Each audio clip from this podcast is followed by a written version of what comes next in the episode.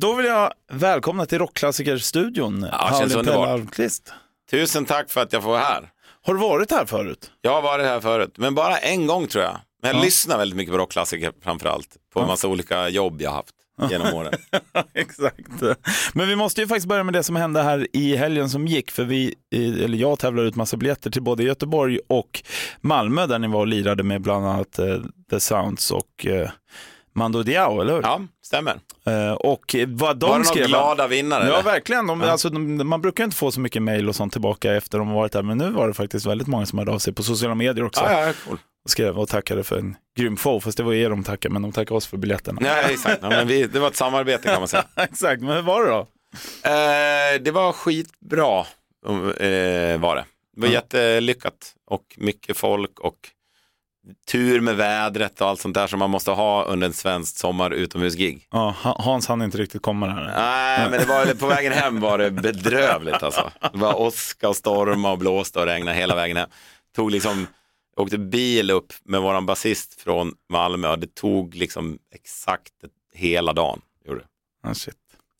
Men eh, hur var det? Det blev inget blodvite den här gången då? Jag såg du hade någon konsert där i början av juni där. Ja, inte lika snyggt blod i alla fall. Jag har lite skrapsår och sådär och sen ett blåmärke på axeln men det var ingenting som syntes lika mycket från publiken som den där uh, Manchester-blodet. Ja, vad var det som hände där egentligen?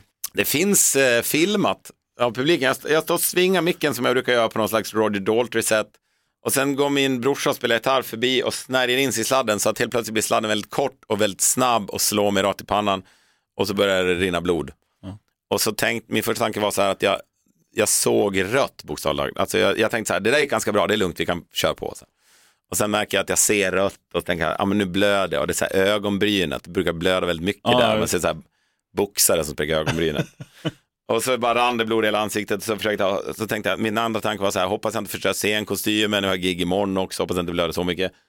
Och sen så var min tredje tanke att så här, nej, men det verkar och hoppas jag inte måste avbryta för att fixa det här. Och sen, då behövde jag inte det. Så fortsatte jag liksom hela spelningen, det rann blod i ansiktet och folk tyckte att det var spännande. Och det var faktiskt ganska, Iggy Pop har ju ofta, blö, han blöder ju väldigt snyggt. Ja, Och jag lyckades nästan liksom blöda lika snyggt som Iggy Pop. Så att det, för mig var det, det var absolut ett plus. ja Det är också med god marginal tydligen vårat mest likade inlägg på sociala medier. Det är så här tre gånger så mycket likes som att vi släpper en första skivan på 11 år. Ja, ja. Det var extremt populärt. Så nu försöker jag liksom få de andra i bandet att blöda lite mer. För Exakt. det verkar vara det som är liksom framgångsrecept. ja, ni får planera in lite fler skador på scenen helt enkelt. Ja. Men eh, som du nämnde där så släpps ju nu äntligen ett nytt eh, Hives-album på fredag efter över ett decennium. The Death of Randy Fitzsimmons. Mm. Det låter ju inget bra. Er sjätte Hive och, och låtskrivare. och. Nej, och kanske också en liten förklaring till varför det har tagit så lång tid. Som att han inte är med oss längre. Nej. Så tar det väldigt lång tid. Men jag vill väl bara säga, vill framföra en ursäkt till våra fans. Eh, och sen vill jag säga att jag är precis lika förbannad som er för att det har tagit så här lång tid. och jag orkar nästan inte tänka på hur jobbigt det har varit. Men nu finns det i alla fall äntligen en skiva som det står The Hives på som ska komma ut. Ja. Och hur var det att sätta sig ner och jobba med det här då? Alltså, var det lite ringrostigt eller var det som att sätta sig på en cykel? Typ? Eh, lättare än förra gången. Förra gången producerade vi skivan själva. Och det var, var som en, liksom en, någon slags konstig demokratisk militärjunta. Väldigt tjafsigt och krångligt. Och den här gången var det också lite grann, kanske på grund av pandemin och allting, att man kände att så här, det var bara så glatt att få göra det. Så det gick, när det väl satte igång så gick det ganska smidigt skulle jag säga. Eh, Och det som kännetecknar för mig en eh, Hives show, det är ju liksom den här totala energin på scen. Eh, och ja, sluta med dieter och gå på en Hives show egentligen, för det bränner nog mer kalorier. Men mest bränner ju du. Ja, ja. alltså, och du, du vet ju säkert att ni har kallats också för världens bästa liveband och sånt. Men det, alltså, det måste ju vara jäkligt coolt att höra och ändå få den feedbacken genom alla år här nu. Ja, verkligen. Det är ju ja, det är verkligen något att vara stolt över. Eh, och det är också, det visar ju på något sätt att vi har haft lite rätt. För det, vi har alltid haft en idé om att det är så här vi tycker det ska vara. Ja. Och sen så verkar det som att många håller med. Det är, nej, det är underbart att känna sig uppskattad helt enkelt. Ja. Och under en tid med, jag vet inte hur mycket du har gått in i det, men det här med AI-tekniken och sånt, de gör musik numera och Just kan det. byta sångare och allt möjligt konstigt. Men då, då känner alltid jag, även om man blir lite så här småskraj, att just livescenen, där, där kommer inte AI åt riktigt ännu i Ja, alla fall. nej. Nej, inte AI, men det är ju väldigt mycket, och jag ska kanske säga äh, mycket band på rockklassiker som kör mycket förinspelat nu för tiden. Det var väl någon ny skandal om att så här, Nicky Six inte har spelat bas på sex år eller någonting, att det är något inspel. Jag tänkte faktiskt prata om det med backing tracks och sånt, för det är en het potatis lite hela tiden känns det som. Är det? Ja, men jag kan prata gärna om det eftersom vi inte håller på med det. Så då kan jag stå här liksom helt fri från skuld och babbla om det. Ja. Klaga på alla andra som gör det. Och eh, som klassisk radiostation så vet jag också, ni har ju lirat med Rolling Stones flera gånger som förband. Mm. Är det tre gånger eller hur många är det? Är väl fyra eller vad det nu kan vara. ja. Jag kommer inte ihåg. Men hur var det första gången? Kommer du ihåg det? Eh, jävligt mäktigt var det. Eh, men det är nästan det som gjorde mig till ett stort Rolling Stones-fan. Att innan var jag liksom någon kaxig ungtupp som tänkte att det är klart vi ska vara här och spela för de här människorna. Liksom. Ja. Eh, och så var det liksom kul, men sen fick man liksom träffa Rolling Stones. Det är liksom som att det är enda gången man kan träffa någon som har gjort det man gör. Alltså om du är ingenjör så kan du ju bara gå ner liksom vart som helst och träffa någon som har varit ingenjör i 40 år. Men att träffa någon som har varit liksom rockstjärna i 40 år som man kan prata om hur det har varit och sådär. Och vad är, liksom, hur ska jag göra då? För vi var ju lite i början av att vi slog igenom och sådär första gången. Och det var ju helt ovärderligt. Liksom. Snacka, lite, snacka lite business med Mick Jagger. Fick någon bra Det var ju tips? verkligen, ja, jag fick ja, en del väldigt tydliga tips. Ja. Då hade vi precis börjat tjäna massa pengar då och han visste väl det och sen så var det som att, så sa jag det så här, men ja, jag antar att så här, det jag ska göra nu är väl så här, det jag förväntas göra är ask you for some advice, fråga om lite råd. Så här. Ja. Och så sa han så här, eh, och då var det mycket i tidningen om att han var på en lyxjakt, här, som någon annan snubbe ägde, som han hade varit på fest på, det var liksom paparazzi-foton. Ja. Och så han bara, köp inte en båt, hyr den. Väldigt handfast och bra tips. Ja, verkligen. På tal om stora band så minns jag, jag vet inte om det var 2017, jag har försökt komma på det här, men det var flera år sedan i alla fall, då Foo Fighters körde hemligt gig i Stockholm som jag var på. Ja. Eh, och du kom ju in där som gästsångare eh, mitt Och sjöng en körde. AC/DC-låt. AC/DC, Ja. exakt. Så jävla oförglömligt, det var så jävla Ja, mäktigt. tack, tack. Men, men eh, hur, hur, liksom, hur kom det sig? Nej, men vi är ju kompisar med Foo Fighters och har varit det ganska länge och sen så var de här och gjorde den grejen, så blev jag in, bjöd de in mig till spelningen och sen smsa Chris som spelar gitarr mig typ två timmar innan så här, kan du köra Let There Be Rock med oss? och jag hade väl inga så här Hives-kläder på mig, så jag ville ta på mig, en, låna någon svarta tröja liksom, så Ja. jag kunde göra det, annars får jag ju inte liksom.